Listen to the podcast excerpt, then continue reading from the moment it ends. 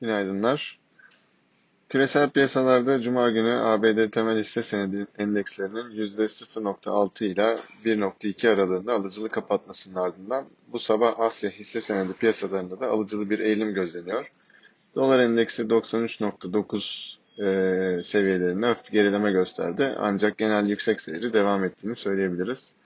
Yurt dışında bugün Euro bölgesinde ve ABD'de Ağustos ayı öncü PMI imalat sanayi beklenti endeksleriyle ABD'de Temmuz ayı Chicago Fed Ulusal Ekonomik Aktivite Endeksi açıklanacak. Bizim tarafta ise hisse senetlerinin global piyasalardaki olumlu havanın da desteğiyle haftaya alıcılı bir seyir ile başlamasını bekliyoruz. Yapıcı işlem aktivitesinin hafta genelinde devam edebileceğini düşünüyoruz. Hafta ortasında havacılık hisseleri için İngiltere'nin uyguladığı seyahat kısıtlamaları ilgili haber akışı takip ediliyor olacaktır. Herkese iyi haftalar diliyoruz.